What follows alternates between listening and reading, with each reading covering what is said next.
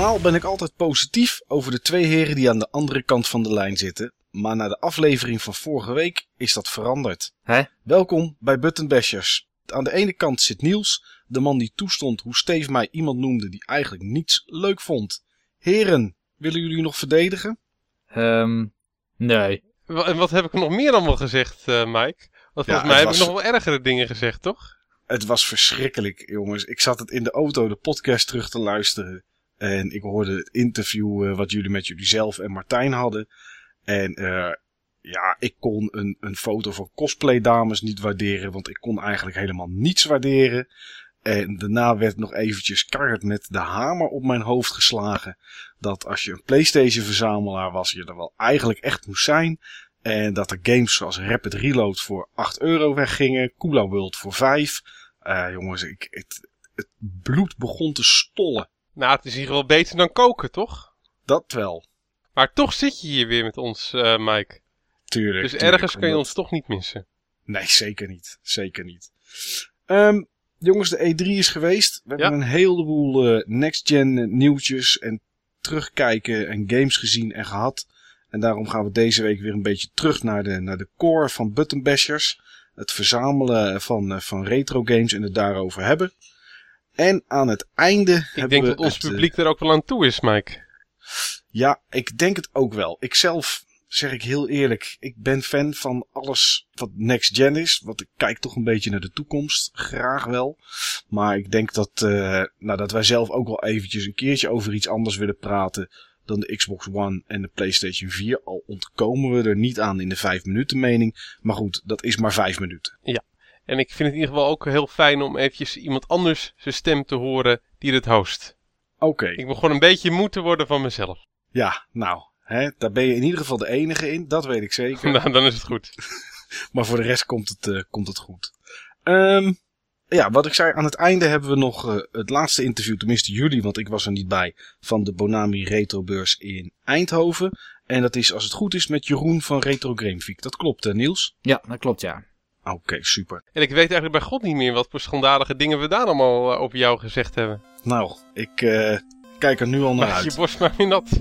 Ja, laten we eerst maar eens beginnen met de Game Talk.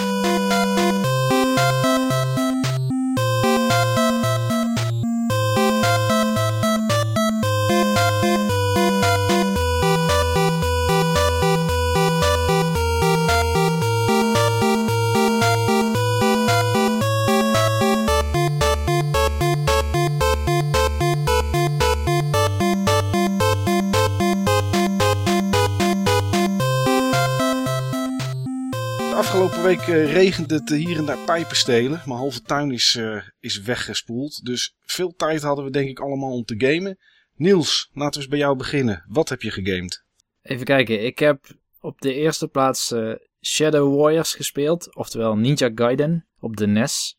Tof. Oké, Ik neem aan dat we die wel kennen. Ik heb hem één keer in een Japanse retro store gedaan. Ja. Maar nu had ik hem ook zelf in mijn bezit na de Bonami Retrobeurs in Eindhoven. Daar had ik hem bij eh, Steven van Videogame World eh, gekocht. En eh, ik moet zeggen, het spel bevalt me heel erg goed. Ik vind het echt een van de leukste NES-spellen die ik tot nu toe heb gespeeld. oké. Nou, dat is wel eh, iets positiefs. Ja, nou het speelt gewoon heel erg fijn. Extreem soepel. Alle vijanden gaan tot nu toe in ieder geval met één zwiep neer. Misschien verandert dat nog wel wat later in het spel. Want ik heb tot nu toe ben ik tot wereld 4.3 gekomen. En dan kom je voor het eerst eh, toch wel lastige vijanden tegen die over je heen springen en met een zwaard proberen te slaan. Maar tot op dat eh, punt was het best wel goed te doen op zich, het spel. Het, ik vond het niet zo moeilijk als dat eh, de verhalen je doen geloven. Nou goed, je zat bij level 4 of wereld 4. Ja. Ik weet niet hoeveel er in totaal zijn natuurlijk. Dus of het straks nog in één keer heel erg stijgt met de moeilijkheidsgraad. Ja, dat komt nog. Er zijn gewoon zeg maar een paar stukken waar vijanden op bepaalde plekken staan waar je eigenlijk niet om ze heen komt. En waarbij eh, iedere keer als je zich, zeg maar een stukje terugloopt om af te maken op een veilig punt, dan regenereren ze weer en staat er weer één. Dus dan moet je zeg maar eigenlijk echt naar ze toe springen, ze doodmaken en vervolgens hopen dat je precies goed landt of bepaalde trucjes gebruiken. Of gewoon echt heel goed spelen. Ja, dat soort situaties kom je op zich al ook al wat eerder in het spel tegen. Waarin er een vijand staat beneden op een platform waar je moet landen. Maar als je normaal een sprong neemt, dan zul je altijd op die vijand landen en via hem dus weer in een gat. Ja. Alleen, dan word je ook nog eens van alle kanten opgenaaid door van die kraaien die rondvliegen. Ja. En die zijn echt helemaal irritant. Die zijn inderdaad heel irritant, ja. Maar het is toch wel iets wat je, als je het een paar keer hebt gedaan, dan heb je het ritme een beetje door van het level. Dus ik vind het over het algemeen ja, op zich best een goed te doen spel. Zodra je een beetje door hebt waar wat ongeveer spant en, eh, en dat soort dingen. Wat heb je ervoor betaald op de beurs, als ik vragen mag, Niels? Eh 7,50 euro. Nou, lijkt mij een mooi bedrag. Oh, dat is een hele nette prijs zelfs. Ja, ik stond er zelf ook van te kijken. Card het punt only. is, een vriend van mij kwam langs met eh, de kaart en die zei ik heb hem eh, gekocht bij Steven voor 7,50. Toen dacht ik nou, dan ga ik toch even zelf kijken of dat er nog eentje ligt. Want ik had het spel ook nog niet en eh, ik was er zeer benieuwd naar. En eh, het bleek dus dat hij inderdaad nog een Shadow Warrior zat. Dus eh, die heb ik meegenomen en dat was een aanwinst van nog na het interview wat we vorige week hebben laten horen. Ja, want ik kon hem inderdaad niet herinneren. Nee. Dat is het ene ding. Dan heb ik nog één ding eh, anders gedaan waar ik nog redelijk wat tijd in heb gestoken deze week. En dat is het leren van een spel. Dat heet Arkham Horror. Dat ken ik totaal niet. Ook nooit van gehoord. Kan kloppen, want het is een bordspel. Maar het is een heel ingewikkeld bordspel. Daar hou ik persoonlijk wel van. Want eh, ja, met een beetje designerachtergrond interesseer ik me juist heel erg in eh, spellen die mechanisch gezien vrij ingewikkeld in elkaar zitten. Als ik hoor Arkham Horror, denk ik gelijk aan Batman. Klopt dat? Ehm, nou, het speelt zich af in het plaatsje Arkham. Maar het heeft verder niet, niet zozeer te maken met Batman, maar wel met de Cthulhu-mythos van H.P. Ah, Lovecraft. kijk, die kennen we uiteraard wel. Ja. Dus aardig wat eh, tentakelmonsters die je tegenkomt. Precies. Het is een bordspel dat zich in dat, eh, dat dorpje afspeelt op basis van die boeken van eh, H.P. Lovecraft. En het is een co-op game waarin je met, eh, ik geloof, maximaal acht spelers eh, het dorp als het ware moet bevrijden van een eh, groot mythos monster. En dat doe je door zogenaamde gates die eh, in het dorp spawnen. Dat zijn van die parallele dimensie gates. En die, eh, ja, daaruit spawnen weer monsters. En als je die closed, dan kun je het spel winnen. Maar het spel is bijna niet te winnen voor zover ik er tot nu toe achter ben gekomen. Maar ik heb tot nu toe alleen maar solo gespeeld. Gewoon puur om handigheid te krijgen met de spelregels. Want er zit echt enorm veel in. Heel veel eh, spelmechanieken door elkaar. Voor allerlei situaties als eh, insanity voor de karakters die je speelt. Eh, ja, meer van dat soort status effects of bepaalde monsters die weer net immuun zijn voor bepaalde dingen die je als speler kan doen. Van die Diablo adjectives zitten er zeg maar in. Van eh, immuun tegen physical attacks en dat soort dingen. Maar ja, omdat overal weer aparte spelregels aan hangen, is het nogal een uitzoekwerk. En het duurt een half uur om eh, het bord op te zetten. Want je hebt echt een flink grote tafel nodig. Er zitten ontzettend veel kaarten en fiches en allerlei attributen bij het spel om het te kunnen spelen. Dus eh, ik hoop dat ik met nog een week het spel een klein beetje onder de knie krijg. En dan ben je doctorandus in eh, Arkham Horror, denk ik. Als ik dat zo hoor met opzetten, alle spelregels en dat soort zaken. Ja, dan heb je denk ik wel een van de meest complexe games gespeeld. Niet complex als in eh, dat, dat het behoorlijk wat strategie en tactiek voor nodig is. Naar mijn inschatting tot nu toe kun je niet echt op strategie bouwen in dit spel. Het is echt een tactisch spel, omdat er heel veel eh, verandert tijdens het spelen. En monsters spawnen op plaatsen dat je misschien niet had kunnen voorzien. Maar eh, gewoon eh, ingewikkeld in de zin van eh, gewoon alle systemen die in werking treden. Ja. En daarbij alle regels die eraan hangen. Ja, ja. Oké. Nou, ik ben benieuwd. als je het een beetje onder de knie hebt, dan, dan hoop ik daar nog wel iets van te horen, Niels. Ja, nou ik hoop dat we een keer een aflevering hebben waarin we wat dieper op bordspellen in kunnen gaan als ons main onderwerp. Dus daar bewaar ik het dan voor. Oké. En jij, Steve? Wat heb jij eh, de afgelopen week eh, gespeeld? Ook je aanwinsten van de beurs of heb je andere dingen zitten spelen? Totaal andere dingen. Ik heb zelfs iets te spelen wat jullie echt gaat verrassen. Met name jou, eh Mike.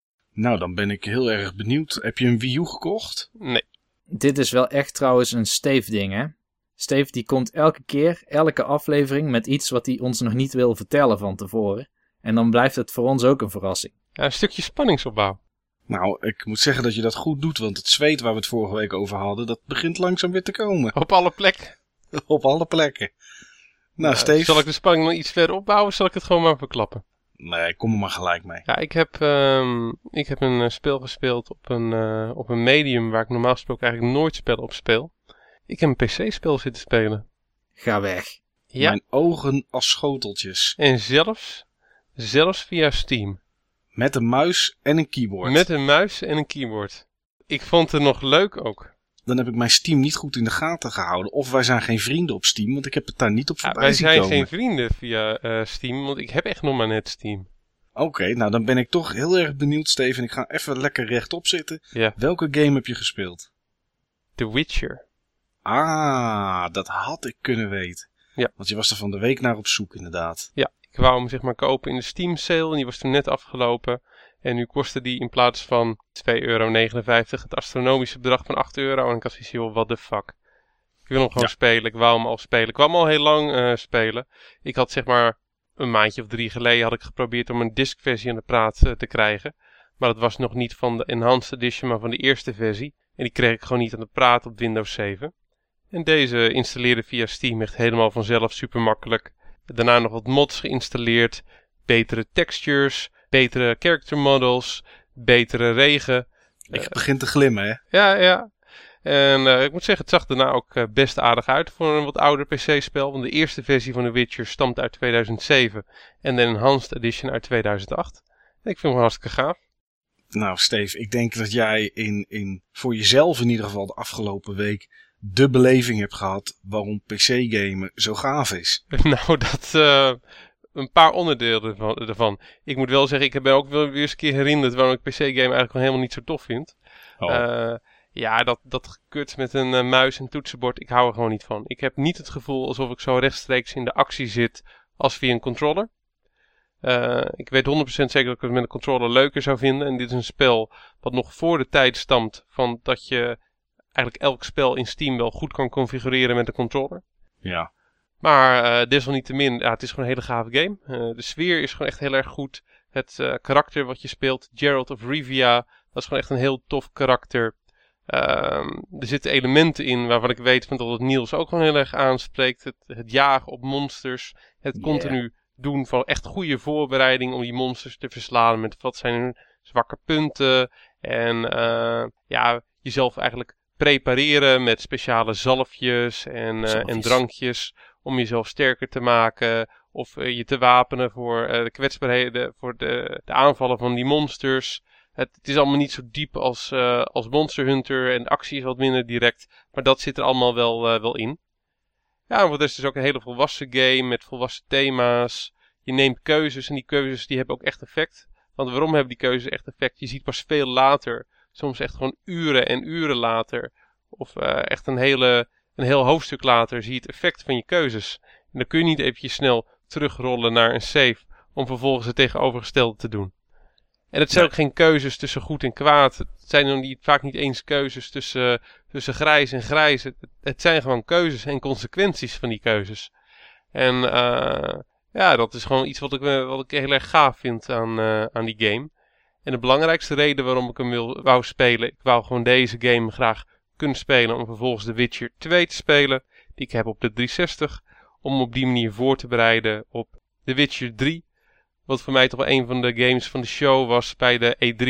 Ik heb hem niet genoemd in mijn lijstje, dat was een grote fout. Ik heb inmiddels eh, die trailer echt 10, 15 keer gezien. Ik vind echt, echt geweldig. Is voor mij echt een van de games eh, of de show in retrospect. Dus daarom The Witcher.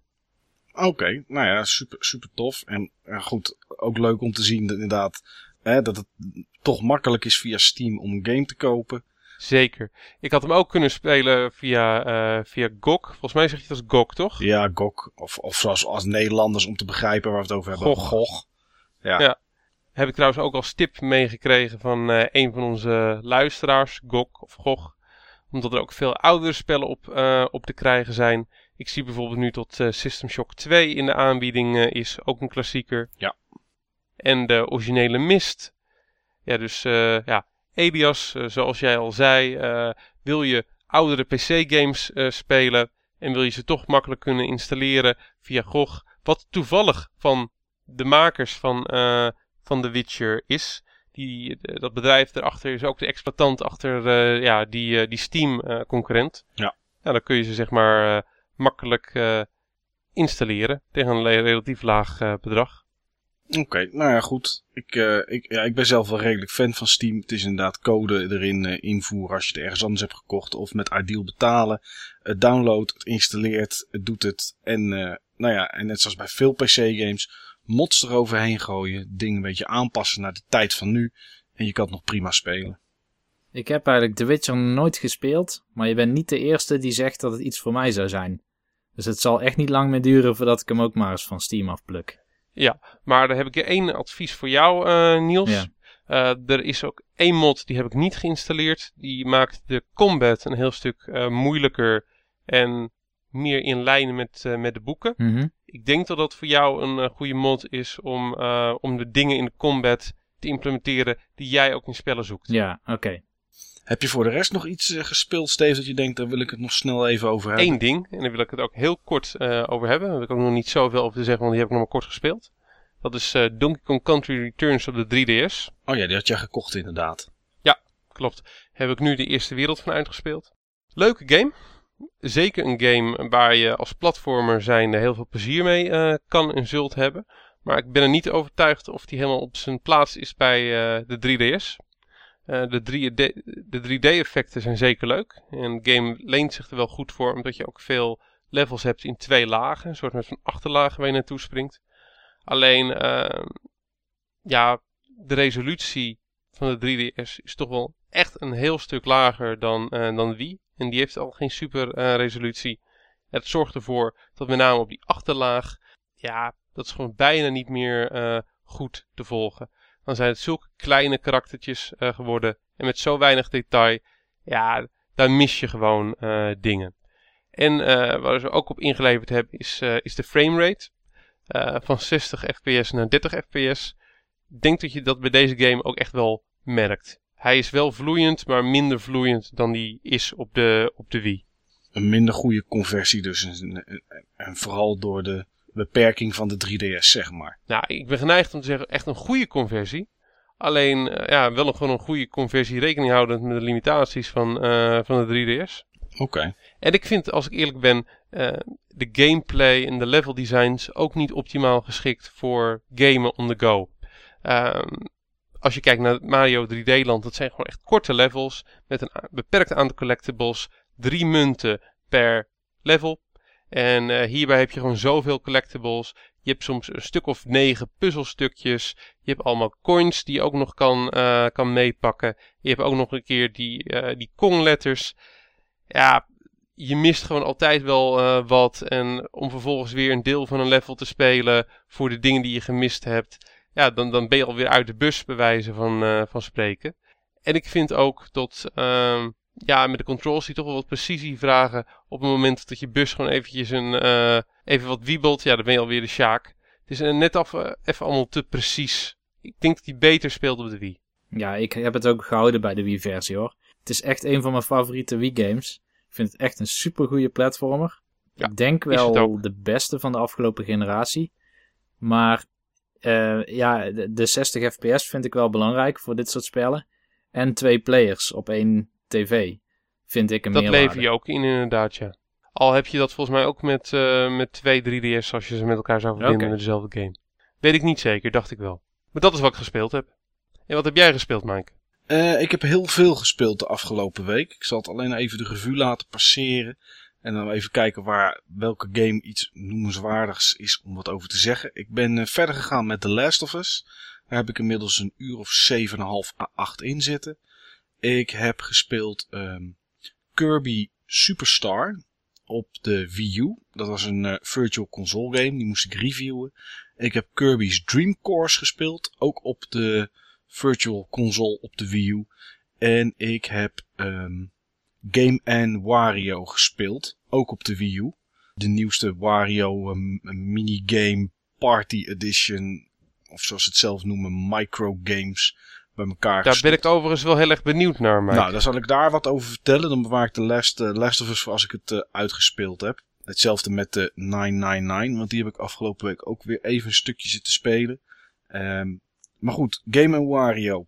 Game Wario is, uh, vind ik jammer, de tweede minigame collectie die Nintendo uitgebracht heeft binnen een half jaar. Want op de Wii U kwam natuurlijk uh, tijdens de lancering Nintendo Land en nu Game Wario.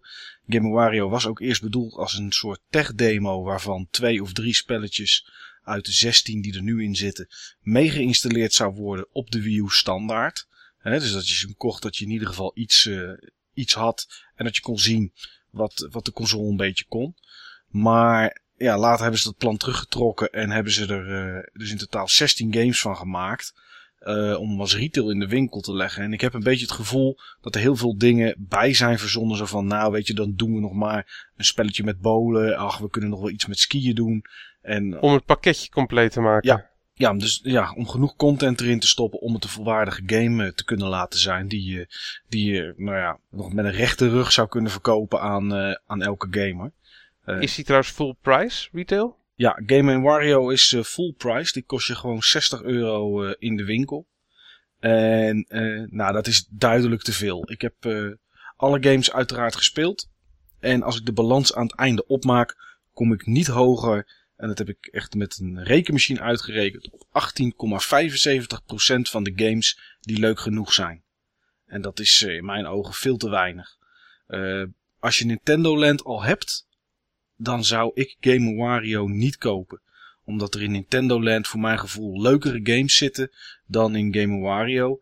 Er zitten drie games in die wel leuk zijn. Die zal ik even vermelden. De eerste die heet Shutter. En met Shutter ben je een, een, journalist met een fotocamera. En het is de, de, de gamepad is de fotocamera. Je krijgt opdracht van je baas van de krant om vijf figuren te fotograferen. Die zie je op beeld staan. En dat moet je doen met, uh, met de gamepad. Die richt je op het scherm, dan kan je inzoomen.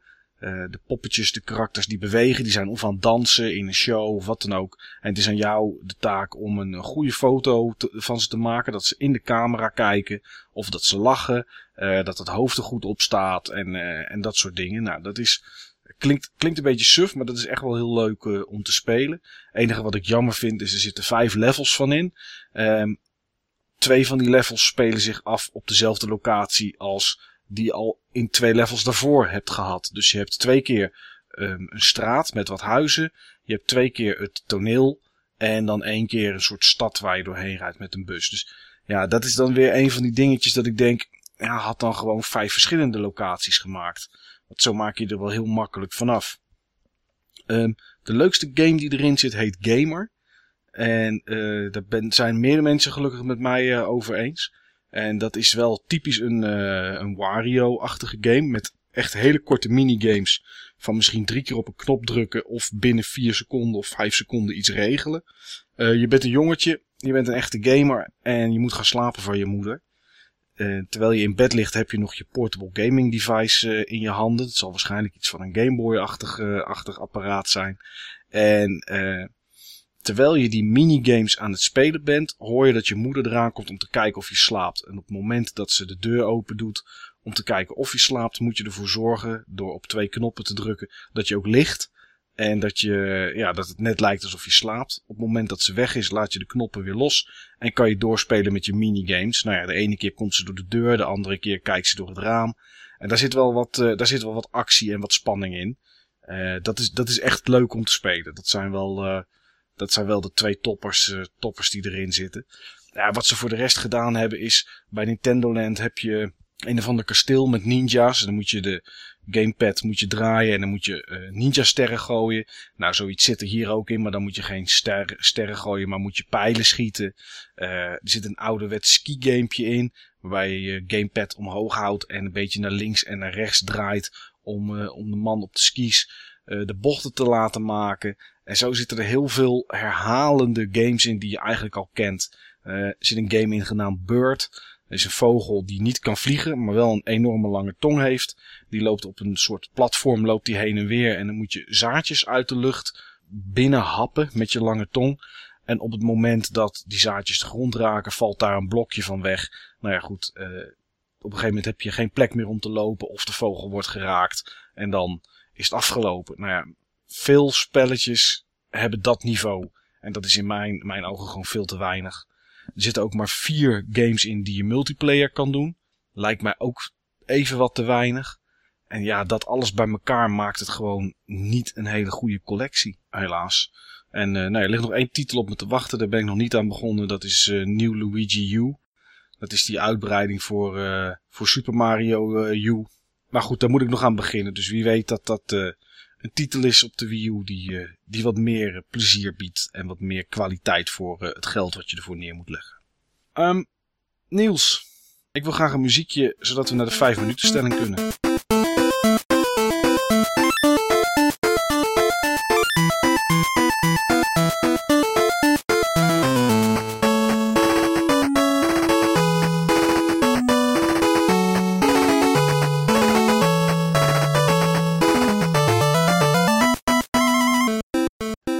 Heren, de 5 minuten stelling. Daar gaan we. Jullie kennen het concept inmiddels. De mensen thuis die zitten te luisteren misschien ook. Ik heb twee stellingen. Die uh, leg ik aan jullie beiden voor. Jullie hebben alle twee één minuut om daar uh, op te antwoorden. En dan is het sloes. En we gaan natuurlijk heel streng kijken naar de tijd. Want anders konden we het beter een andere naam geven. De eerste stelling is uh, eentje die natuurlijk niet kan missen. Na de presentatie van de Xbox One was uh, deze nieuwe console van Microsoft er eentje die uh, elke 24 uur in ieder geval online moest om verbinding te maken. Uh, games doorverkopen kon alleen als je ze terugbracht naar een winkel die geregistreerd was bij Microsoft. Games uitlenen kon slechts aan, aan, aan één vriend. En die moest dan ook nog eens 30 dagen lang bevriend met je zijn. En zo waren er nog meer oplossingen die Microsoft had bedacht voor hun nieuwe console. Er was een hoop tegenstand. En ja, wat doet Microsoft vorige week? Die gooit alles in één keer om. De Xbox One werkt nu eigenlijk precies hetzelfde als de Xbox 360. Je kan games aan iedereen uitlenen. Hij hoeft maar één keer online, de allereerste keer, om je te registreren. Daarna nooit meer. Uh, maar gooit ook dingen als het uh, familieplan overhoop. Waar je het met 10 mensen al je games kon delen, zodat die konden spelen. En uh, ja, mijn stelling is eigenlijk wat we nu krijgen met de Xbox One is eigenlijk een achteruitgang. Als we kijken naar, uh, naar progressie in de, in de console generatie. Dus geen stap vooruit, maar een stap terug. En ja, de Xbox One is voor mij nu minder next gen dan dat hij was. Steve, jouw minuut. Grotendeels mee eens.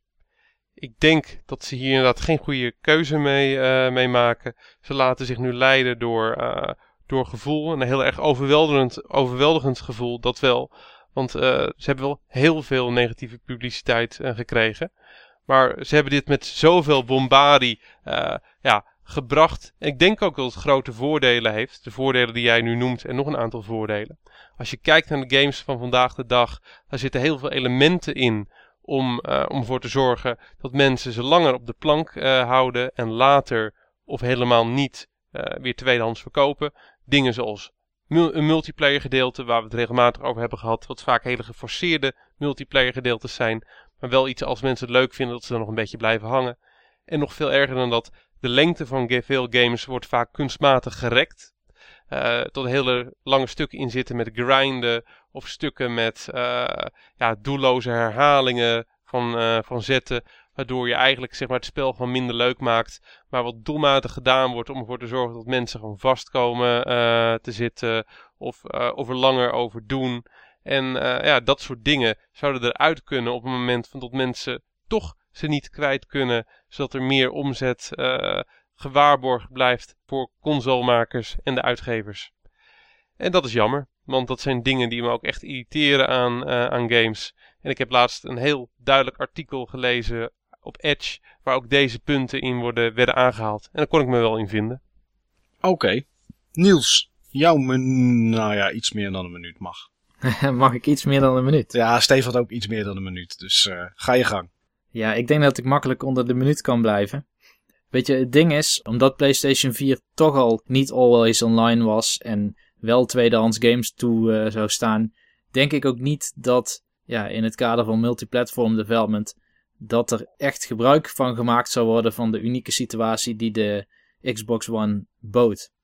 En ik denk dat dat terugdraaien uiteindelijk voor Microsoft een, een, goed ding is, omdat die, ja, die progressie, en ik zie inderdaad ook wel de mogelijkheden in van een always online platform, wat dat zou kunnen bieden aan nieuwe ervaringen en verbeteringen. Maar als het maar één van de twee partijen is, dan, uh, dan gaan multiplatform games daaronder lijden. En dan zie ik heel veel gamers gewoon een, uh, de versie pakken die wel terugverkocht kan worden, waar je niet bij hoeft in te checken. En dat had voor Microsoft echt geen voordelen gehad in die situatie. Dus ik denk dat ze toch het beste hebben gedaan. Oké. Mag ik hier nog een aanvulling op, uh, op geven? Natuurlijk mag dat. Het is overigens echt lood om oud ijzer. Want deze week bekend geworden. Ubisoft maakt The Crew en The Division Always Online. Zit gewoon echt verbakken, gebakken in het spelconcept. Destiny Always Online. Dus gewoon echt het principe van het, uh, van het spel. Je bent always online. Het is een connected uh, wereld waarin je die avonturen hebt. Titanfall Always Online. En zo kan ik nog even doorgaan. Dan is het platform misschien niet always online. Maar zijn de games nog steeds always online. Dus wat Ja. is dan het verschil? Ja, het verschil is, eh, is voor de mensen tweedehands verkoop. Dat was denk ik het meest hete hangijzer. Alleen nu zijn er ook games natuurlijk die je op de Xbox One straks kan spelen. Die niet always online hoeven te zijn.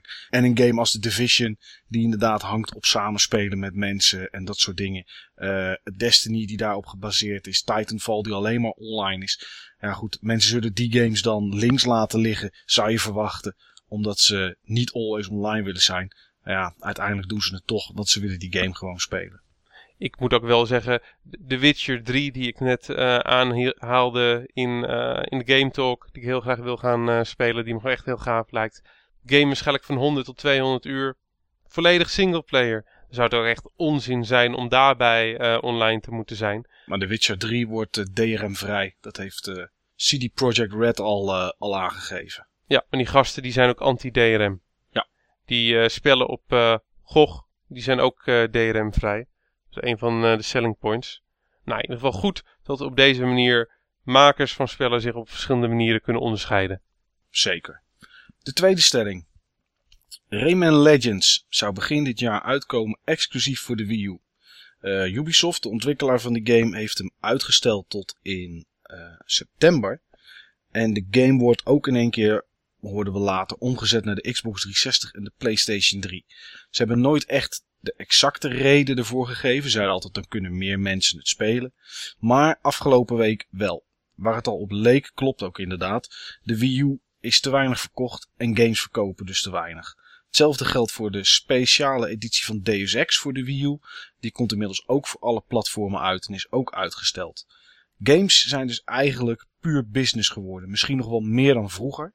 En mijn stelling is daarom, Ubisoft heeft gelijk. Als een console niet goed verkoopt en dus je game niet, dan moet je die keuze overboord gooien en voor het geld gaan. Niels, wat zeg jij? Eh, eens. Ik eh, kan ook heel moeilijk indenken waarin een andere situatie eh, ook maar iets stand kon houden.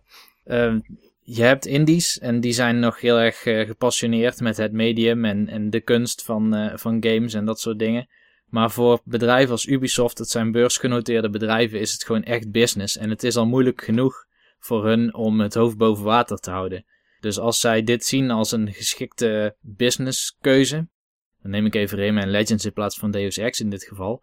Maar Rayman Legends hadden ze waarschijnlijk gewoon in februari uit kunnen brengen. En dan een soort van eh, complete edition voor eh, Xbox 360, PlayStation 3 en opnieuw voor Wii U in het najaar. Daar hadden ze misschien meer aan verdiend. Maar ja, ze hebben een andere keuze gemaakt. Misschien op basis van, eh, van, van onderzoeksresultaten die ik bijvoorbeeld weer niet ken. Als een bedrijf eh, winst moet maken, ja, daar bestaan ze voor. Oké. Het is niet anders. Steve? Volledig eens. Er zijn 3 miljoen Wii U's verkocht bij de lancering. 400.000 in de 5 maanden tussen de lancering en nu. Het is gewoon heel duidelijk. Het ding verkoopt gewoon echt heel erg slecht. Ubisoft doet niet aan liefdadigheid. Ubisoft probeert rendabele games te maken. Zo blijf je ook games maken. Op het moment dat die games niet rendabel zijn, dan houdt het snel op.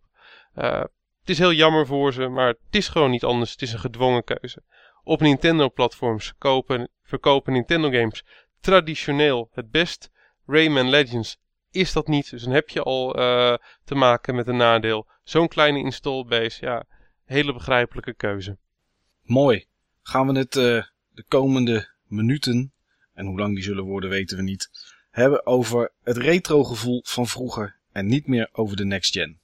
Maar voordat we daarover gaan hebben, heb ik nog één kleine verrassing voor jullie. Want ik Nou. weet hoeveel jullie eh, van verrassingen houden. Steve, je zit er vandaag vol mee, jongen. Ja. Kom maar op. Ik heb een belangrijk besluit genomen. Nou, dan ben ik eh, heel erg benieuwd. Ik, ik zit er klaar voor. eh, Niels, hou je je vast? Ik, eh, ik hou me vast aan mijn bureau, want eh, ik heb een draaistoel, dus daar kan ik nog steeds van afvallen. Ja. Dat is, eh, dat is heel, eh, heel verstandig. Ik heb een belangrijke keuze genomen voor de komende jaren. Komende jaren.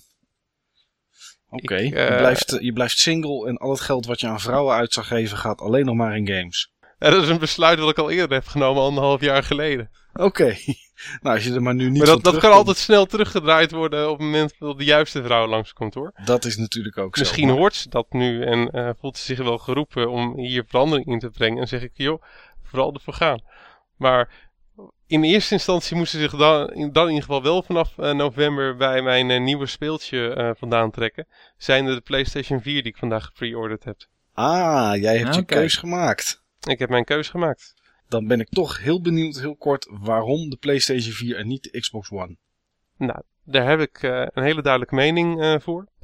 Ik heb goed nagedacht waarom ik eh, altijd ben blijven hangen bij de Xbox 360 nadat de PlayStation 3 uitgekomen is. En dat is voor mij een optelsom aan, aan dingen. De Xbox 360 heeft in de huidige generatie eigenlijk altijd de beste online ervaring eh, geboden. Met eh, het beste gevoel van connected zijn met, eh, met andere mensen. Je maakt gewoon veel makkelijker contact met andere mensen om te gamen, ook over games heen. De interface is beter en duidelijker. altijd zo geweest. De huidige interface, sommige mensen hebben kritiek op. Ik vind het best een aardige interface. In ieder geval veel beter dan een PlayStation 3 interface. Eh, games zijn er vaak net even iets mooier op, omdat de infrastructuur eh, makkelijker is. De controller vind ik veel fijner dan eh, de PlayStation eh, 3 controller. Vind ik echt gewoon een veel prettiger ding. Ja, er moet een op- grote maar komen elk moment. ja, en de optelsom daarvan is gewoon heel duidelijk. Dat zijn gewoon precies de redenen waarom de PlayStation 4 mij meer aanspreekt. Ik heb een filmpje gezien van de interface van de PlayStation 4. Die is heel modern. Dat is bijna een vertaalslag op een eh, social media site als, eh, als Facebook. Waarmee je gewoon echt heel erg eh, in contact staat via de interface met je, je vriendennetwerk waarmee je gamet. Zou me ook niks verbazen als je daarvoor ook inlog, in kan loggen met Facebook. Misschien ook niet, maar het heeft in ieder geval dat, dat gevoel. De controller, waar ik gewoon geen fan van ben van de PlayStation 3, die is toch wel flink aangepakt. En daar heb ik de laatste week echt veel over gelezen. Het ding is gewoon echt enorm verbeterd. En eh, ja, iedereen is er heel positief eh, over. Hij is gewoon veel geschikter voor driving games, shooters. Hij is ergonomischer. Het is gewoon een veel volwassener ding ten opzichte van dat eh, ontwerp van de PlayStation 1 controller, wat ze nu eindelijk wat meer hebben losgelaten. Ehm, hij is krachtiger. Dat is gewoon eh, zo. Hij heeft sneller geheugen. Hij heeft een snellere combinatie van een grafische kaart en eh, processor. En er is ook minder geheugen in eh, gebruik. Het kan gewoon bijna niet anders, omdat de, infrastructuur bijna identiek is. Alleen dan net even wat langzamer in de Xbox One. Dat games in ieder geval minstens hetzelfde gaan draaien op, op de PlayStation 4. Ja, en de online ervaring zal waarschijnlijk ook gewoon flink aangepakt worden met behulp van eh, ja, het, de- het betaalde PlayStation Network account. Wat, ehm, wat je nu verplicht af moet nemen om online te gaan. En dat vind ik eigenlijk nog wel het grootste selling point. En dat is ook te danken aan jou, eh Mike. Je hebt me een paar week- weken de voordelen van PSN ehm, uitgelegd. Ja. En dat is misschien nog wel het grootste besluit wat ik, eh, wat ik heb genomen. Ik heb er ook geen zin meer in om al die games fysiek hier te hebben staan. Het gaat me gewoon veel meer om, eh, om de games. Ik ben gewoon echt als een gek tekeer gegaan de laatste twee, tweeënhalf jaar. Ik heb zoveel games gekocht, heel veel retro, waarbij er eigenlijk ook geen keuze is eh, op het moment van dat je het origineel wil, eh, wil hebben. Dan moet je voor een fysiek product gaan. Maar mijn mening is, mijn nieuwe mening is, alles wat ik via PlayStation Network in huis kan kruiven, prima, hoef ik er niet meer te kopen. Oké, nou, een duidelijk betoog. Ja, ik heb zelfs mijn games die ik gepreorderd heb bij de lancering, heb ik ervan af laten hangen waarvan ik denk dat het games zijn die eh, relatief snel op PSN komen en waarschijnlijk wat minder snel.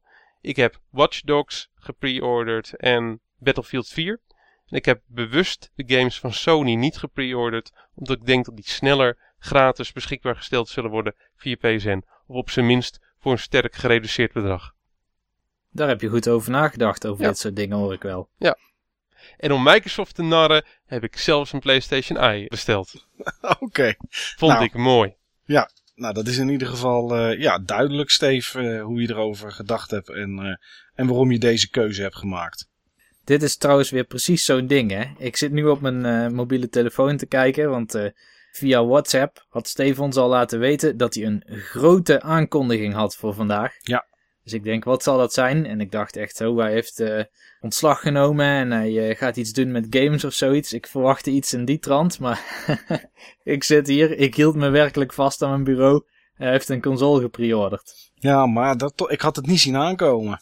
Nee, nee, dat heb ik ook niet zien aankomen. En dat is ook waar. meer gewoon het besluit voor mezelf. Ik hoef het gewoon allemaal niet. Al dat nieuwe spul hoef ik niet meer per se in een doosje eh, te hebben met een diskje. Het is gewoon heel duidelijk wat eh, de kant is waar de industrie zelf op wil. En daar wil ik me gewoon eigenlijk gewoon bij aansluiten. Nou, Ja. Het heeft anno 2013, straks 2014, op het moment dat die dingen een beetje in de winkel echt beginnen te landen, heeft het ook gewoon geen meerwaarde meer. nou, en dat doosje wat jij niet hoeft te hebben, dat sluit weer mooi aan bij het eh, onderwerp van vandaag. Maar eerst een mooi muziekje.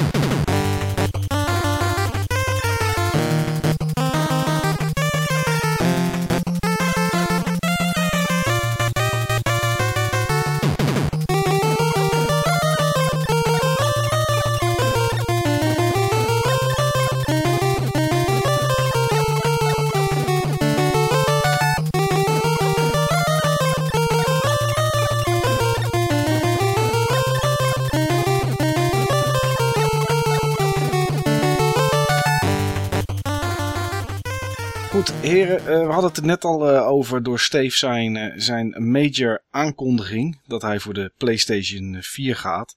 Ehm, het hebben van games. Wij zijn alle drie verzamelaars. Of we nu een grote collectie, kleine collectie hebben. Of we het nou sparen en verzamelen om te spelen. Of gewoon voor de heb. Maakt eigenlijk niet zoveel uit. Maar verzamelen doen we alle drie. En de vraag is eigenlijk die van de week bij mij opkwam. Waarom verzamelen we eigenlijk? Waarom verzamelen wij die games? Is dat voor de heb? Is het voor de show? Is het om te spelen? Niels, wat is het bij jou? Bij mij is het wel werkelijk om te spelen. Heb ik natuurlijk al vaker gezegd. Maar alle games die ik koop op de beurs, die koop ik ook met de intentie om te gaan spelen. En speel je ze dan ook echt allemaal? Of Ehm, nou, ik moet wel eerlijk bekennen dat ik niet alle games die ik heb gekocht op de vorige beurs al gespeeld heb. Het heeft ermee te maken bijvoorbeeld dat ik het lastig vind om een Nintendo 64 aan te gaan sluiten. Dus dan stel ik dat uit tot het moment waarop ik wat meer in de mood ben voor een Nintendo 64. Maar eh, de SNES en de NES games die ik heb gekocht, heb ik wel allemaal gespeeld. Oké, en je koopt nooit iets omdat je denkt van, oh, dit koop ik omdat het goedkoop is. Bijvoorbeeld, je had Sensible Soccer gekocht, geloof Ja. voor 1,50 euro. Ja. Ik bedoel, ik zou dat mee kunnen nemen omdat ik denk, nou, en een leuke game gaat waarschijnlijk nooit spelen, maar 1,50 euro kan ik niet laten liggen. Dat heb jij dus nooit. Nou ja, nooit, dat weet ik niet. Maar ik heb Sensible Soccer dus wel zitten spelen afgelopen week. Oké. Maar te kort om het eh, in de Game Talk over te gaan hebben. En jij, Steve, want jij hebt onlangs eh, Sesamstraat gekocht voor de Xbox 360. Is dat omdat je denkt van, nou, dat is leuk om te hebben? Of ook echt met de intentie om alles wat je koopt te spelen? Dat is wel de insteek waarmee ik het koop. Ik koop namelijk alleen en verzamel alleen goede games. En de contradictie die erin zit, is dat ik gewoon zoveel games daarvan heb gekocht, dat het onmogelijk zal kunnen. En het probleem is, en dat is iets waar ik recent achter ben eh, gekomen, ik ga er ook echt gewoon nooit, eh, nooit aan toekomen, want goede games is ook niet een eindige voorraad. Het kom- er komt gewoon ook continu bij. Als ik gewoon kijk naar alle games waar ik nu al bij wijze van spreken een lijstje van heb gemaakt die ik gewoon heel erg graag wil hebben op basis van de E3. Ja, dat zijn al bij wijze van spreken te veel om in 2014 aan toe te komen. Ja. Dus ik heb voor mezelf gezegd, ik ga gewoon keuzes maken. Ik ga er minder tijd in eh, stoppen om veel games bij elkaar te kruien. En ik wil wat meer tijd mee eh, vrijmaken om in een aantal games echt diep te gaan. En daar me gewoon echt in weg te laten ja, zakken. Gewoon, ik ga gewoon wat meer voor de verdieping. Ja. Vanaf nu. Oké, nou ja, goed, wat je zegt, ja, jij maakt dan een lijstje met wat je graag wil, eh, wil spelen. Als we even kijken naar het, uh, voor mensen, echte retro aspect. Als we even kijken naar de NES en SNES en bijvoorbeeld Nintendo 64. Dat kan je natuurlijk kopen in, in card only, hè, dat je alleen de cartridge koopt. Of je kan het natuurlijk kopen met doosje, boekje en dat soort zaken erbij. Op het moment dat jij uh, zoiets hebt van, ik wil deze game, wil ik graag hebben wil je hem dan per se compleet hebben? Of maakt het niet uit en heb je eigenlijk voldoende aan de cartridge omdat het je toch puur om de game zelf gaat? Altijd compleet. Het gaat me wel om de game, maar bij de game gaat het me wel om het totale pakketje. Ik wil ze wel graag hebben op de manier zoals ze vroeger in de winkel uh, hebben gelegen. In een beetje goede staat. Niet in perfecte staat, maar uh, dat hoeft voor mij echt niet. Dat vind ik overdreven bij games die al 10, 15, 20 jaar oud zijn en verschillende eigenaren hebben gehad maar wel gewoon mooi en netjes. Stel nou dat er een verschil tussen zit tussen de cartridge en de game in doosje van een euro of 40, 50, wat niet heel vreemd is. Ik heb geen card-only games, dus dat zegt al genoeg. Oké, dus als een game ergens ligt voor 30 euro en het is alleen de card, en in, in doosje kost die 80 of 85 of 90, dan ga je toch voor die editie. Ja, want dat is hetgeen wat ik tot nu toe altijd heb gedaan. Oké, hoe zit dat bij jou Niels? Maakt voor jou dat nog uit? Ja, bij mij is het totaal tegenovergestelde van bij Steve. Ik koop eigenlijk nooit iets compleet in box. De enige keer dat ik iets compleet in box koop is omdat bijvoorbeeld op een beurs alleen maar compleet in box ligt. Of omdat het eigenlijk uh, helemaal niks scheelt in de praktijk. Of dat het compleet in box was of niet. Maar het ding is, ik wil gewoon die kaart hebben. En het doosje zie ik meer als een soort last. Die moet ik dan weer ergens gaan laten, moet ik ergens opslaan. Dus ja, ik ga juist vaak voor de card only. Oké, omdat het minder ruimte in, uh, in beslag neemt. En ik vind het juist weer gaaf. Ik, uh, ik doe er een protectortje omheen. Ik leg ze ergens neer op een mooie plek. Ik bewaar mijn cards er ook in. Op het moment dat ik zo'n spel ga spelen, pak dat doosje ook. Uh, doe ik de kaart eruit. Soms kijk ik het boekje nog eventjes door. Dat is wat ik vroeger ook deed. En dat heeft voor mij gewoon meerwaarde qua nostalgie. Oké, nu je het toch over het woord vroeger in je mond hebt genomen. Als je games nu koopt, koop je dan de games die je vroeger gemist hebt. Bijvoorbeeld titels die je op de NES vroeger niet had, omdat je niet van je moeder mocht kopen of omdat je zakgeld niet toereikend was. Of uh, koop je eigenlijk games waar je goede verhalen over hebt gehoord van anderen. Met name dat laatste, want dat eerste, daar ben ik eigenlijk al redelijk doorheen. Die heb ik allemaal al. Oké, alle games die je vroeger gemist hebt en dacht van die wil ik hebben, die heb je inmiddels allemaal wel liggen daar ben ik mee begonnen. de eerste stap die ik gedaan heb toen ik zeg maar weer actief retro ben gaan verzamelen, is de games kopen die ik vroeger leende, huurde, uh, die ik wel gespeeld had, maar die ik niet zelf had. Toen ik mijn collectie ben gaan aanvullen. Toen had ik zoiets van, joh, ik ben klaar. Ja. Daarna had ik zoiets van, nee, ik ben nog niet klaar. Ik wil eigenlijk nog wel de games hebben die ik vroeger ook wou hebben. Nou, ga je daarmee verder.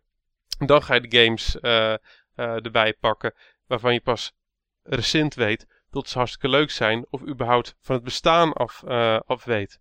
Om eventjes een voorbeeld te geven. Star Tropics bijvoorbeeld op de NES had ik vroeger echt nog nooit van, van gehoord. Kende ik niet.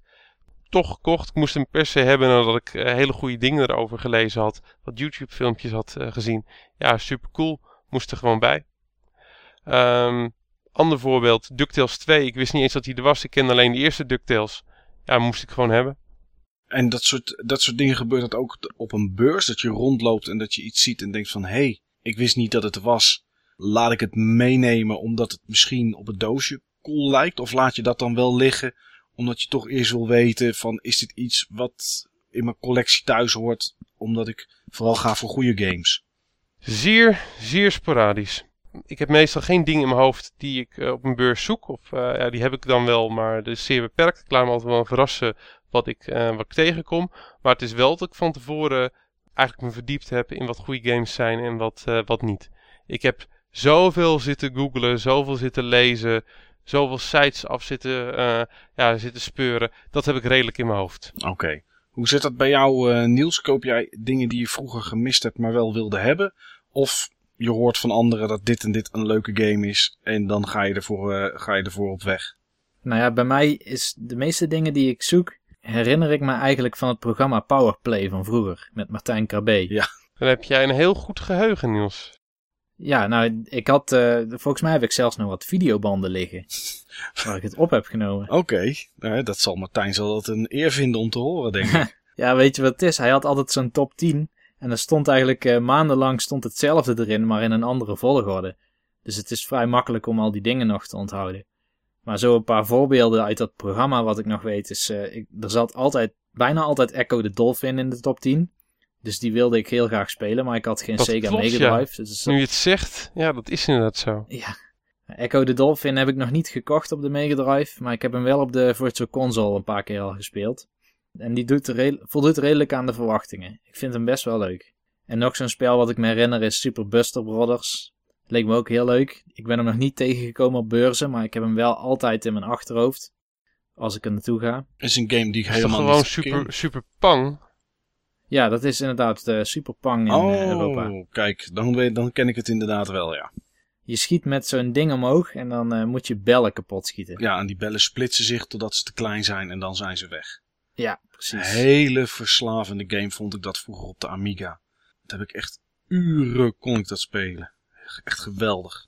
Volgens mij heb ik inderdaad ook ooit een PC-versie of een Amiga-versie ervan gespeeld. Ja. Maar ik kan me niet herinneren of dat hij ook co-op kon. En ik weet dat de SNES-versie dat wel kan, want dat liet Martijn Krabbe dus zien. ja. De arcade-versie was in ieder geval co-op en er zijn gewoon heel veel versies van afgeleid. Maar ze zijn het inderdaad niet allemaal. Ze zijn niet allemaal uh, co-op. Oké. Okay. Nou, naast Powerplay zijn er natuurlijk nog wat games geweest in series waar ik wel bepaalde games van had, maar niet allemaal. En dat is bijvoorbeeld Super Bomberman.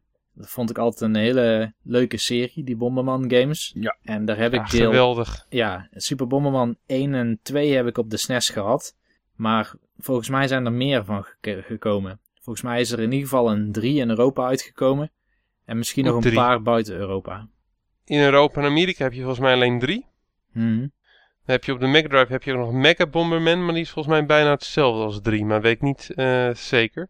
Je hebt in ieder geval in beide delen heb je ook van die beesten waar je op kan springen. Ja, die Louis.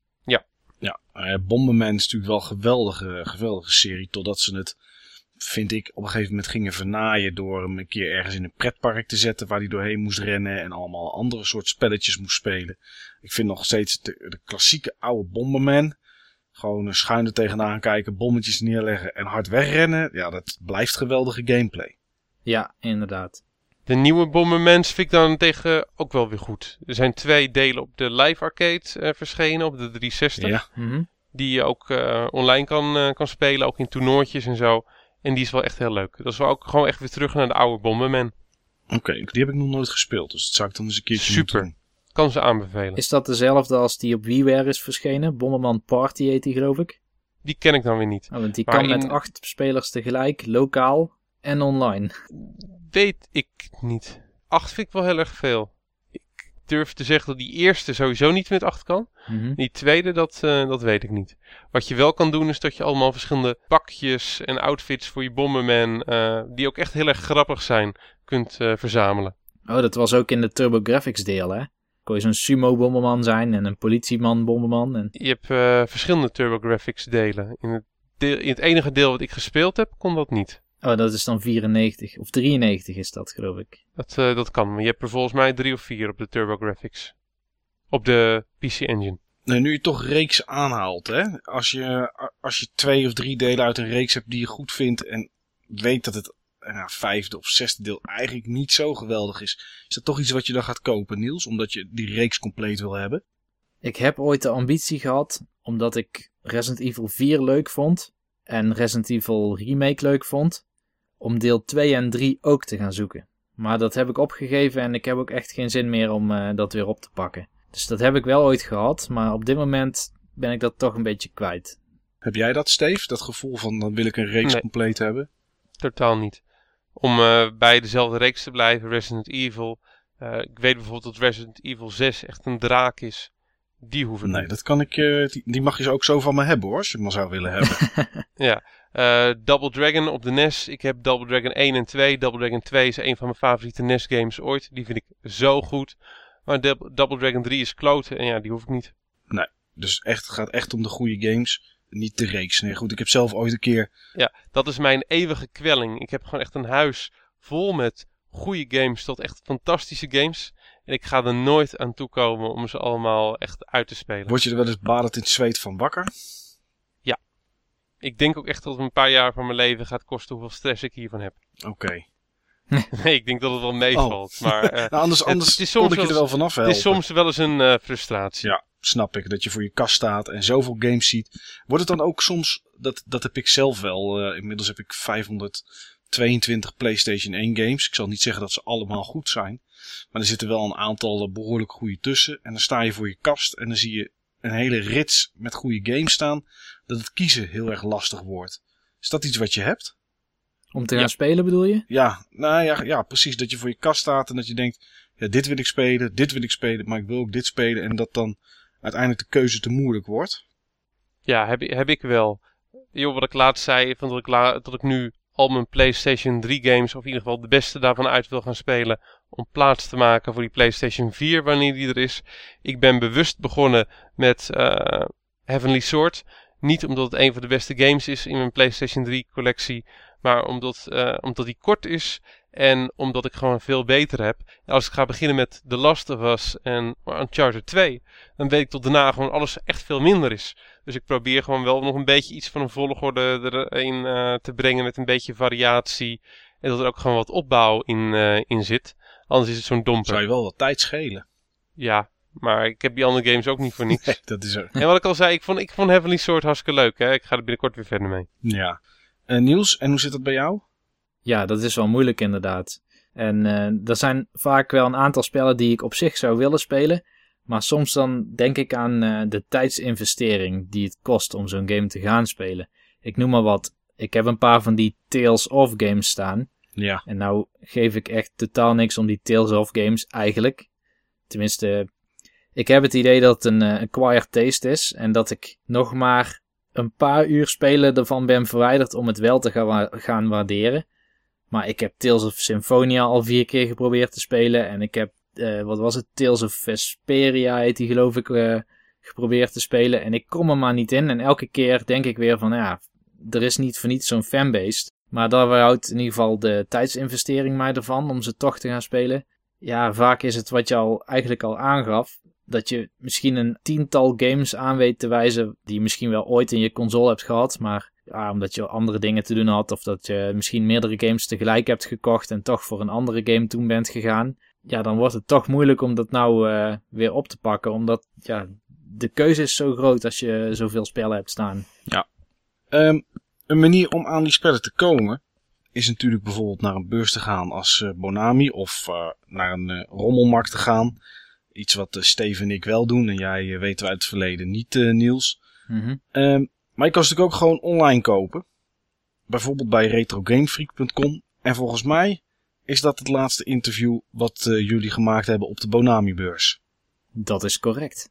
Dan voordat ik je ga vragen, Niels, om die in te starten, wil ik nog eventjes een eh, mededeling doen. Die is niet zo shocking als die van Steve met zijn PlayStation 4. Maar wel heel belangrijk. Maar wel belangrijk. En dat is 5 juli. 5 juli is, eh, is op een vrijdag. En om 12 uur 's middags begint er een NES-marathon vanuit eh, Martijn. Die, eh, nou, die mensen kunnen kennen van de eerste officiële aflevering.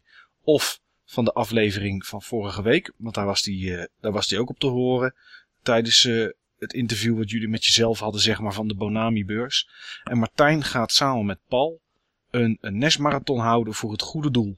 Dat is in dit geval het goede doel is de dierenbescherming.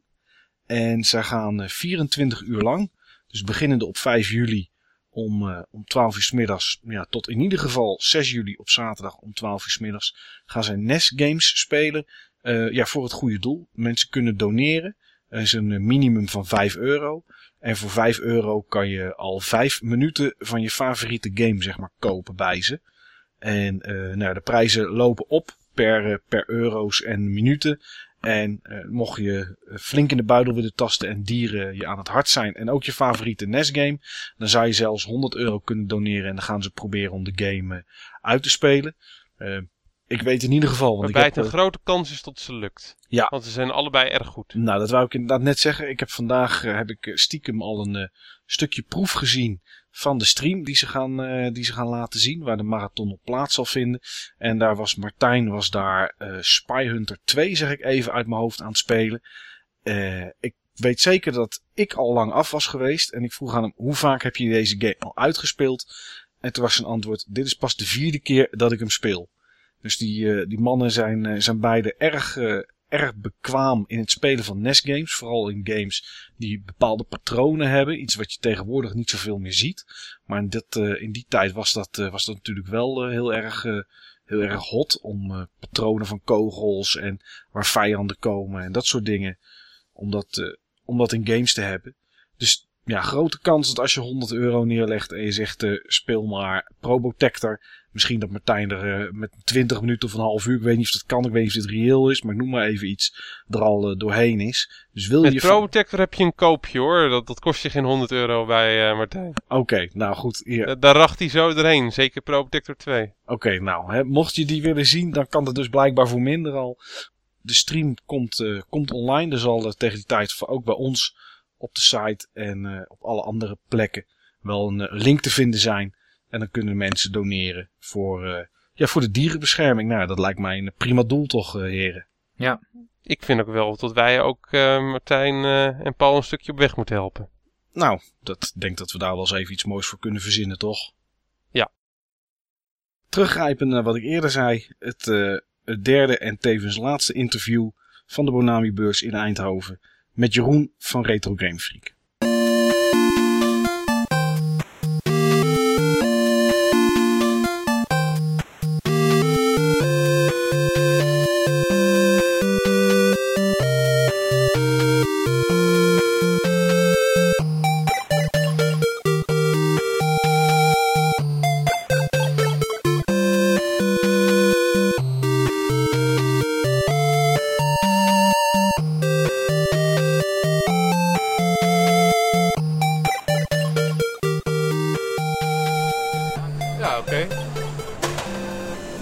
Bij deze dan het derde en laatste interview voor Button Bashers Live.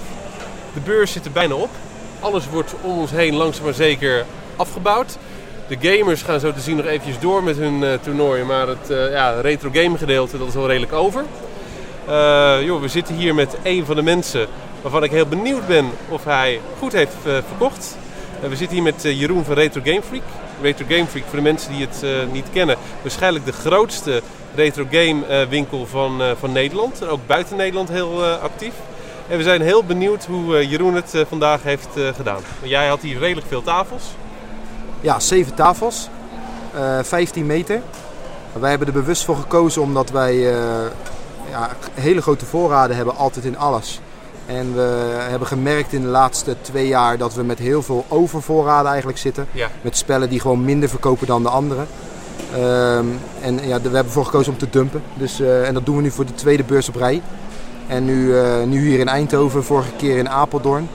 En uh, ja, opnieuw gekkenhuis, kan ik zo anders ja. zeggen. 15 meter met alleen maar 2 euro, 1 euro speel, ja, dat, dat, dat, daar zijn de mensen in geïnteresseerd. Daar zijn merk, ze op uit. Ja, ja daar ja. zijn ze op uit. Het zijn hier toch wel mensen die de prijzen kennen en hopen dat ze, dat ze de, ja, de pareltjes ertussen vinden die ze dan misschien uh, of goedkoop in hun eigen collectie kunnen doen, maar vooral heel veel doorverkopers heb ik het idee. Oké. Okay. Die dan gelijk zeggen van, oh deze doet op eBay 20 euro en uh, nou ja, als die bij ons is die dan 3 euro. Ja, dat heb je overal. Maar dan hebben we hem al vijf keer staan, dus ja, dan, dan is dit de zesde. Voor, en dan voor jullie is die dat er gewoon Ja, we, we, hebben hem al niet meer meegerekend. Hij is nee. al, het is al dode voorraad, dus het is alleen maar extra. Om het zo ja. Dus, uh... Je hoort het ruimt gewoon lekker op. Ja, en het is, uh, ik, ik, moet wel zeggen, het is de tweede beurs op rij dat ik echt, we staan met z'n drieën ja. en het is eigenlijk te weinig. Ik, denk, ik dacht ook dat jullie inderdaad een mannetje erbij nodig hadden. Ja, die hadden we er in theorie ook bij, maar die uh, last, last minute uh, moest hij zijn scriptie doen, dus dat, ja, dat werd hem niet. Ja. Maar ja, dat, dat soort dingen moet ook gebeuren, hè, dus ja. belangrijker dan dit denk ik. Ja, joh, is ook, is ook Voor zo. hem dan. Jo, en uh, we wisten natuurlijk niet van tevoren of het echt inderdaad druk en een succes zou gaan uh, worden. Want het was natuurlijk de eerste beurs op deze locatie. Ja, ik vind het een mooie locatie. Ik vind de belichting dramatisch. Ja. Uh, dan weer donker, dan weer licht. En ja, je, bij retro games is het toch belangrijk de staat, ja, klopt. de staat te bepalen. En dat is wat lastig. Ik heb nu net een paar dingen ook gekocht. En dan kom ik bij de stand en dan kijk ik hem goed. En dan zie ik door het licht niet dat hij bijvoorbeeld verkleurd is. En dat vind ik wel een nadeel van deze hal. Maar de hal zelf vind ik wel heel mooi. Grappig. Dan heeft Martijn toch gelijk. Want we hadden juist een discussie net over je, of je Sunfade ook goed kon eh, zien. Nee, Nou, het antwoord is dan dus duidelijk nee. nee, ik kon het niet zien. Tenminste, dus- als dus- je een bepaalde licht eh, houdt dan wel. Maar ja, je, staat, je koopt het vaak in de opwelling omdat je denkt van oh, dat is een goede prijs. En neem je het mee, kom je terug verkleurd. Nadeel, maar ja, dat is, eh, dat is weer een nadeel van deze hal. Maar voor de rest, de hal zelf is natuurlijk prachtig. Ja. Joh, eh, leuke sfeervolle locatie. Zeker, ik vind het zeker, een stuk leukere Ja. locatie dan in eh, Apeldoorn. Ja, een killer sporthal. Hè. Dit heeft wat meer sfeer inderdaad. Ja. Maar ik, ik moet zeggen, ik, ik weet niet heel, totaal niet hoe anderen het hebben ervaren. Maar ik, ik vond het echt heel druk. Ja. Jo, en eh, jullie hebben natuurlijk van tevoren ook promotie gedaan. Ik denk dat Ja. er ook aardig wat mensen specifiek voor jullie stand hier naar de beurs gekomen zijn. En denk ik, ik denk ook, dus een gedeelte inderdaad, het gedeelte zal zeker zelf al gegaan zijn. Ja. Ik weet niet of het echt mensen bewust voor onze kraam zijn gekomen. Maar ja, als je in de buurt woont, is het, was het altijd wel de moeite om in ieder geval even te gaan kijken. Ja. Want we hebben zeg maar, zo'n 1200 nieuwsbriefvolgers en zo'n 500 Facebookers. Dus ja, die hebben natuurlijk wel een paar keer gepusht om, eh, om Ja, in ieder geval een hier deelgenoot. Ja, te zijn. Even druk hem weg. Ja, je gaf er net al een eh, mooi bruggetje toen je het had over de aantallen die jullie hebben qua nieuwsbriefvolgers en de volgers op, op Facebook. Dat zijn natuurlijk hele flinke aantallen, maar jullie zijn ook, naar mijn gevoel, de grootste retro gamezaak van Nederland. Ja, ik weet niet op welk punt je natuurlijk met elkaar vergelijkt. Ik denk het zelf ook. Eh, qua aantallen, ik kies er altijd bewust voor om een, een groot aanbod aan te houden. Kijk, Ja. ik zou er ook voor kunnen kiezen om alleen de standaard titels op voorraad te houden. Maar ik vind juist leuk dat we een groot aanbod hebben, dat mensen keuze hebben. Ik importeer heel veel. Ik, Ja. eh, ik, ik weet zeker dat ik binnen Europa het grootste Amerikaanse aanbod heb. Ja. Eh, ik heb daar een aantal vaste klanten voor die dat bewust ook altijd zoeken. Maar ik, ik, ik geloof ook wel heel erg in. eh, ik, ik, ik importeer eigenlijk alles wat in Europa niet uitgekomen is. Dat is Ja. een beetje de bewuste keuze. Even op kartgebied dan. Ja, joh, dan haal je het ook gewoon bij de plek vandaan waar het ten Ja. eerste gewoon het meest verradig is en ook Ja. voor de beste prijzen. En die kun je dan ook vervolgens weer doorrekenen naar de klanten toe. Ja, ja, er zit gewoon een bepaald percentage aan vast en waar je, waar je dan winst aan houdt. Ja, je houdt altijd rekening mee dat je ook invoerrechten betaalt. En eh, ja, ik, ik denk wel dat we de grootste zijn. Maar ik weet natuurlijk, ik, ik ken, eh, als je bijvoorbeeld Magic Buttons kijkt, die heeft natuurlijk ook een behoorlijke voorraad. Eh, ik weet alleen hoe het zit qua klandizie. Ik heb natuurlijk vijf jaar lang doe ik het nu al. En, en vijf jaar lang heb natuurlijk een aardige klantenkring opgebouwd. Ik denk dat we in dat gebied wel voorlopen op Magic Buttons. Ik denk dat Magic Button bijvoorbeeld wel een, zeg maar een cijfermatig grotere voorraad heeft. Eh, maar ja, dat, die werken op een hele andere gedachtegang dan dat wij werken. Wij werken meer op eh, basis van eh, inkoop, verkoop, gewoon puur zakelijk gezien. En ook wel dat we een leuk speel kunnen aanbieden. Eh, maar, maar ja, uiteindelijk draait het hoe je het ook of verkeerd om het geld. Andere filosofie. Anders advies. En zij werken meer vanuit community basis. Dus ze hopen dat mensen Ja. lid worden en op hun forums komen. En op die manier reclameinkomsten genereren. En eh, dat is een hele andere gedachtegang. eh. Totaal andere insteek. ja, ja, Totaal andere insteek. Ja. Joh, daarnaast, jullie hebben natuurlijk naast alle games die jullie inkopen en waar we jullie van kennen, hebben jullie ook een aantal unieke producten die voor verzamelaars heel interessant zijn. Waar mensen ook jullie steeds beter voor weten te vinden, ook uit het buitenland. Dan denk ik aan de box protectors en de inlays, met name de box protectors. Kun je daar nog iets over vertellen? Eh, ja, ehm, ja, die laten we natuurlijk speciaal maken en eh, ja, die versturen wij inderdaad wereldwijd. Ja, ik, ik merk gewoon dat als je ook hier op de beurs kijkt, zie je heel veel liggen. Ja, Eh, we hebben er heel absoluut. veel uitge- uitgeleverd. Het lastige van deze handel is, ehm, je moet ze per hele grote hoeveelheden bestellen. Je kan niet zeggen, doe er mij er maar 100 bij de fabriek. Nee. Dat moet echt per eh, 3000 minimaal gaan. Ja. En ehm, kijk, voor NES, SNES en Virus, op een gegeven moment heb je wel zoiets van hoeveel... eh, ja, op een gegeven moment heeft iedereen ze toch wel, denk ik. Eh, maar je, toch merk je wel dat ze toch elke week wel weer, weer verkocht worden. Alleen de echt hele grote aantallen, die zijn er wel uit. Ja. Want op een gegeven moment heb je je collectie voorzien van die Snugfits. Ja, en klopt. er zijn natuurlijk geen miljoenen verzamelaars. En, en, en het zijn vooral de grotere verzamelaars die allemaal in Snugfits willen doen. Ja. En die, die, die, die, die rek is daar wel uit. Maar je merkt wel dat het heel veel klanten al sowieso naar je site toe trekt. Ja. Ehm, en we zijn nu bezig met eh, primeur voor uh, buttonbashjes. Er komen vijf nieuwe maten aan. Oké, En eh, dus andere? voor de verzamelaars, eh, het is nog een beetje in dubio. We zijn in ieder geval qua onderhandeling wel uit. We kunnen Ja. vijf nieuwe maten laten maken, daar Ja. komt het uit. Ja. We zijn een beetje in onderhandeling. Sowieso gaan we eh, Atari Lynx en Game Gear doen. ja. Eh, die sowieso. En dan zitten we nog een beetje in dubio wat we moeten doen. Zo, ik, ik, ik, ik, nou, Gamecube, eh, Wii, PlayStation 2, Xbox zijn natuurlijk allemaal hetzelfde qua maat. Dus die gaan we doen, want daar hebben we. DVD-maat. Dus daar hebben we veel vraag naar, met name voor mensen die gesielde games verzamelen. Dus we laten ze waarschijnlijk ietsje groter, zodat je normaal je seal erin kan laten zakken. Eh, dat is die derde, die zal ook wel definitief doorgaan. En die vierde en die vijfde hangt er een beetje om, omdat we nog wat keuzes moeten maken welke we doen. Ik denk dat het SNES cards wordt. en Ja. dat het PlayStation 1 wordt. Daar zijn we nog mee bezig. Dus we, maar we zijn er wel uit dat er vijf nieuwe maten komen. Ja. Financieel zijn we eruit, zeg. Dat lijkt me in ieder geval wel een eh, ja, hele goede verrijking. Eh, Wat het nadeel is van, eh, van SNES games, die hebben geen label aan de bovenkant. Hebben SNES games juist wel een Nee. label? Ja. Alleen Amerikaans. Ja, SNES games hebben geen label. En op het moment van dat je zeg maar voor jezelf iets zou maken, waardoor je zeg maar een labeltje erop eh, op plakt, dan kan je wat makkelijker je verzameling eh, Ordenen. Ja, ordenen. Ja, En eh, ik kan me voorstellen dat het ook interessant kan zijn voor Nintendo 64. Hetzelfde Ja. probleem natuurlijk. ja, hetzelfde verhaal. Alleen ja, je moet een keuze maken. Je maakt altijd een deal met betrekking tot, tenminste bij ons dan. We maken Ja. een deal met betrekking tot vijf, eh, voor vijf maten. Ja, Eh, want je, je hebt met standskosten te maken, dus je moet Ja. het laten maken en dat is best wel prijzig. Eh, om een heel eerlijk verhaal te zeggen, je, de eerste eh, 3000 die je verkoopt gaan praktisch weg tegen de prijs waar je ze voor laat maken. De winst zit hem daarna pas. En dan kom je dus in het probleem van, ehm, wat- ja, ga je die aantal ook draaien? Want kijk, PlayStation 1, ja, 3000 stuks is veel hè. Er zijn wel een aantal PlayStation 1 verzamelaars, maar A, gaan ze in Snugfit stoppen? Dat is al vraag 1. En vraag 2 is inderdaad van ja, hè, er zijn er dan 3000 aan te, aan te, aan te, te verkopen Ja. aan mensen. En dat blijft altijd een moeilijk punt. Vind- maar we vind hebben nu zo'n deal weten te lastig. maken omdat we er vijf gaan laten maken. ja, Dat de standskosten gedrukt worden. ja. En dan is het eh, net rendabel om te, en alles wat daarna verkocht gaat worden, wordt wel heel interessant. Maar ja, dat blijft altijd een gok die je neemt. Ja, ik ben benieuwd. Ik, Ik ook, eh. Het zijn natuurlijk doosjes die ze van zichzelf al stevig zijn. Die van eh, de buitenkant niet zo makkelijk eh, beschadigen. Nee. Eh, en de beschadigingen die, Ja. die die dingen hebben en krijgen, Ja. die hou je niet tegen deze dingen tegen. Nee, nee, nee. Het staat een- gewoon het, mooi. Het staat mooi. Dat is eigenlijk puur de gedachtegang. Ja, Want ja, een PlayStation 1 doosje, ja, dat, dat, dat heeft niet echt een bescherming nodig. Eh, al wel, ja, bij sommige mensen wel. Maar datzelfde geldt voor NES-cards. Ik vind het, als je die NES-cards bekijkt, zien ze dus wel stukken mooier uit in zo'n snukfit. Dan dat je ze los in je kast hebt staan. Maar ja, dat is per persoon verschillend. ja, Niels en ik kennen in ieder geval iemand die met liefde drie, eh, 300 tot 400 van deze doosjes van je eh, gaat kopen. Want zo, zo is die. En nog niet eens zozeer om zijn eigen verzameling eh, erin te doen, maar puur gewoon voor, voor de heb. Want hij vindt gewoon dat er eigenlijk voor elk spel, elk spel wat hij zelf heeft, moet hij gewoon ook zo'n doosje hebben. Ja. Toch? Zo is Mike inderdaad, ja. Nou ja, Mike mag, mag me contacten als, die, als we ze binnen hebben. ja. Hebben jullie verder nog andere uitbreidingsplannen met Retro Game Freak? Dingen waar jullie aan werken? Nou, we zijn altijd bezig met, eh, met, met, met de gedachtegang van een site. Hoe, hoe gaan we dat verder uitbreiden? Maar er, er komen geen bijzonderheden eh, bij. Tenminste, die staan niet in de planning. Eh, we zijn natuurlijk heel erg bezig nu met die beurzen. En dat, dat, is, Ja. dat is voor de filosofie van, van ons en het in- en uitpakken van de ingekochte pakketten heel handig. Ja. We dumpen het gelijk in bakken zodra we denken van nou het is Ja. niet zo mooi. Of, Interessant voor. ja, en dan doen we hem gelijk in die bakken. Ja. En dan kan je hier gewoon uitzoeken. Maar dat zijn allemaal dingen omdat we de site, we zijn natuurlijk in verhouding met, zeker met wat andere webshops. En ook in verhouding met Marktplaats zijn we natuurlijk gewoon wat duurder. Maar je, maar je weet wel één ding zeker, je krijgt altijd de kwaliteit. Ja. En indien je daar niet tevreden mee bent, mag je het gratis terugsturen. We betalen verzendkosten terug. Ehm, we doen nooit moeilijk. Als iets niet goed is naar je wens, stuur het gewoon terug.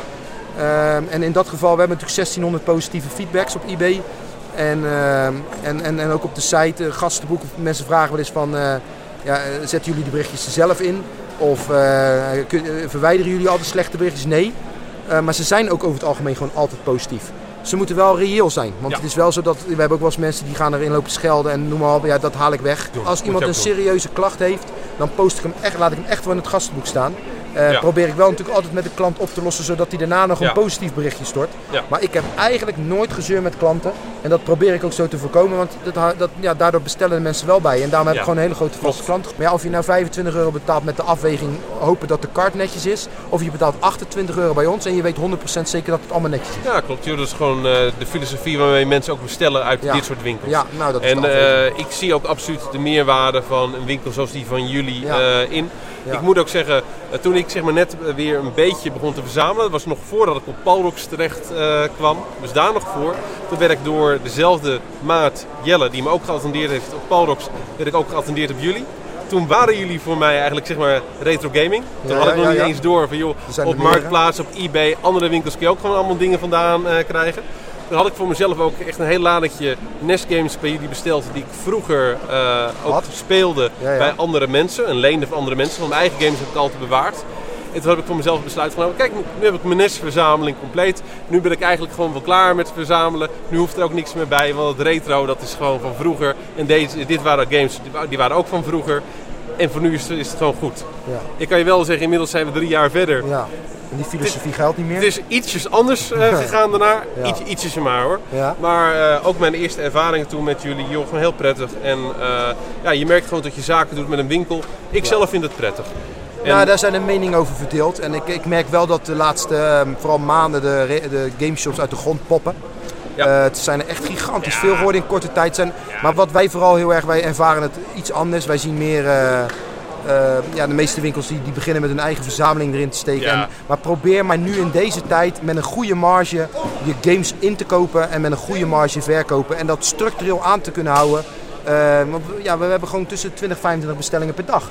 En probeer die voorraden, probeer dat maar eens aan te vullen. Eh, met een marge waar je u tegen zet, dat is bijna niet meer te doen. Als Kom ik je ga kijken naar tussen. Kom je 2009, bijna niet meer tussen. toen ik begonnen ben in 2009 draaiden wij zeker 50, 60 procent marge. Want je kocht nog leuke nestsetjes met, met, met 10 games voor 30 euro. Dat was toen nog. Ja. Als je nu een nestsetje op Marktplaats probeert op te kopen of je probeert hem mee te bieden. Nou, je bent binnen een poep en scheet zit die set op 100 euro. Klopt. En, eh, en dan moet jij er zelf 105, 115 weer uithalen. Dus dat Ja. betekent dat je 15 euro aan die hele set overhoudt.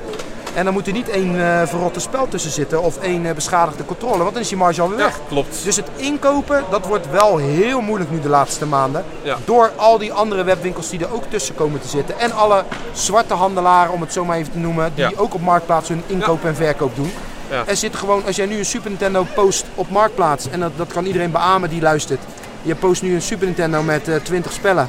En je moet voor de grap eens gewoon een keer doen, onder een andere naam. En je doet eh, Mario Kart en Mario World erbij. Je hebt binnen een dag 50 mailtjes. En van iedereen die dat wil kopen. Ja, En, bizar, eh, hè? Dat is Bizar. echt bizar geworden. En, en op zich, daar heb ik helemaal niks op tegen, want ik verdien natuurlijk op deze manier ook zelf mijn geld. Ja, Alleen het is inkooptechnisch gewoon heel erg lastig. klopt. En die webwinkels die, die, ja, die moeten het hebben van dat soort setjes. Die ze dan een keer voor 50 of 60 euro kunnen kopen terwijl het 120 waard is. Ja. Maar je merkt gewoon dat als je nu s'avonds op marktplaats staat en het is er 's middags opgezet, ben je of al te laat. Ja. Of je betaalt het driedubbele van wat je drie jaar geleden betaalt. Ja, En dat maakt het lastig. meestal is hij gewoon binnen een paar uur al weg. Als het Ja. een goede prijs was en als, het, eh, en, als de, en als die er nog staat, dan is de prijs inderdaad sky high gegaan. Ja, je ziet die biedingen daarnaast. Nou, dat kan iedereen eh, die eh, bij jullie volgt, kan dat beamen. Ja. Iedereen weet dat ook. Klopt. Je- een, een, een SNES-setje met vijf games. De enige plek waar je dat nog vindt is Koninginnedag.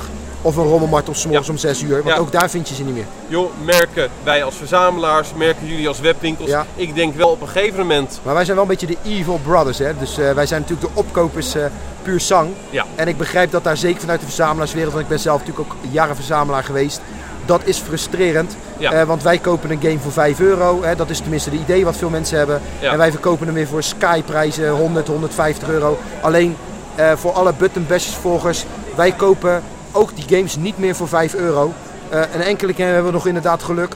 Maar ditzelfde geluk hebben jullie ook wel eens. Ja, En wij kopen ze ook gewoon voor 30 euro en verkopen ze voor 40. Ja. Dus in dat geval zit onze marge en onze risico's zijn ook gewoon heel erg klein. Joh, eh, Niels die, eh, die koopt nooit dingen om te verkopen en eigenlijk verkoopt hij ook nooit. Hetzelfde geldt eigenlijk voor, voor Mike. Die doet het ook nauwelijks, zo goed als niet. Eh, ik zelf heb het wel af en toe gedaan, dat je er toch bent en dan kom je op een rommelmarkt, kom je wat tegen voor zo'n goede prijs en je hebt het al, heb je zoiets van, joh, kan ik er weer iets anders van, eh, Ja. van maken. Nou, je houdt je eigen verzameling betaalbaar. Maar als ik gewoon kijk naar, eh, naar mezelf, alleen al hoeveel tijd daarin zit, dat wil ik gewoon niet voor mezelf. Ik heb al een fulltime baan, ik heb een prima inkomen, ik heb Ja. het niet nodig. Nee. Vrije tijd, dat is mijn eh, grootste goed en dat is hetgene waar ik het minst van heb. Ja, dan ben je dom bezig op het moment dat je dan op, op gaat inleveren en ben je gewoon verkeerde keuze aan het maken. Ja. Dus ik heb er heel goed beeld van hoeveel werk een webwinkel van deze schaal is. Dus respect, respect. En dat vind ik ook persoonlijk echt. Ik vind dat jullie het gewoon heel goed eh, doen. Jullie leveren een nette service. Jullie hebben elke dag weer die update op Ja. de nieuwsbrief. Jullie hebben altijd eh, weer jullie assortiment aan eh, supplies. Wat jullie voorradig houden en steeds, uit, steeds meer uitbreiden. De box protectors onder andere waar we het net over hadden. Goed bezig. Bedankt. Ja, dat vind ik in ieder geval ook een mooie afsluiter, zowel van dit interview als van deze beurs. Tenzij je jezelf nog iets wil zeggen. Ik wil je succes wensen met de button bashers. Ik vind het een leuk initiatief. En eh, nou ja, laten we hopen dat het een hoop volgers heeft. Ik denk dat, de meeste, wel, dat we de meeste wel een beetje kennen allebei. En Ja. eh, laten we hopen dat dat uitbreidt en dat we de volgende beurs iets meer reclame kunnen verwachten. Want ik, ik heb het wel heel druk gehad, maar ik had eh, van tevoren zoiets van, hier valt veel meer mee te doen. Dus eh, nee, hartstikke bedankt. Ja, graag gedaan. Jij veel succes met afbouwen Komt helemaal en we goed. zien jou snel weer. Is goed. Succes. Ja. Groetjes.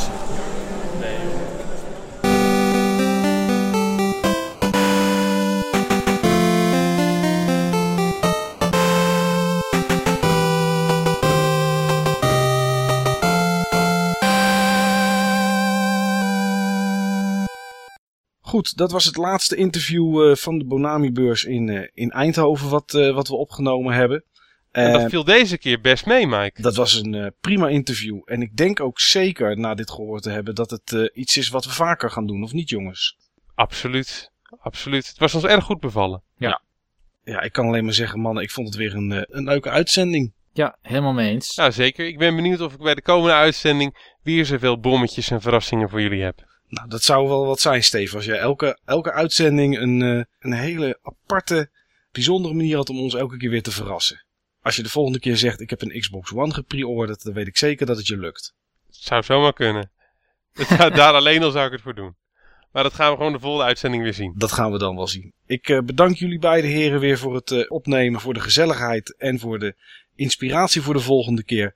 En tegen de mensen die ons beluisterd hebben, kan ik ook alleen maar zeggen bedankt.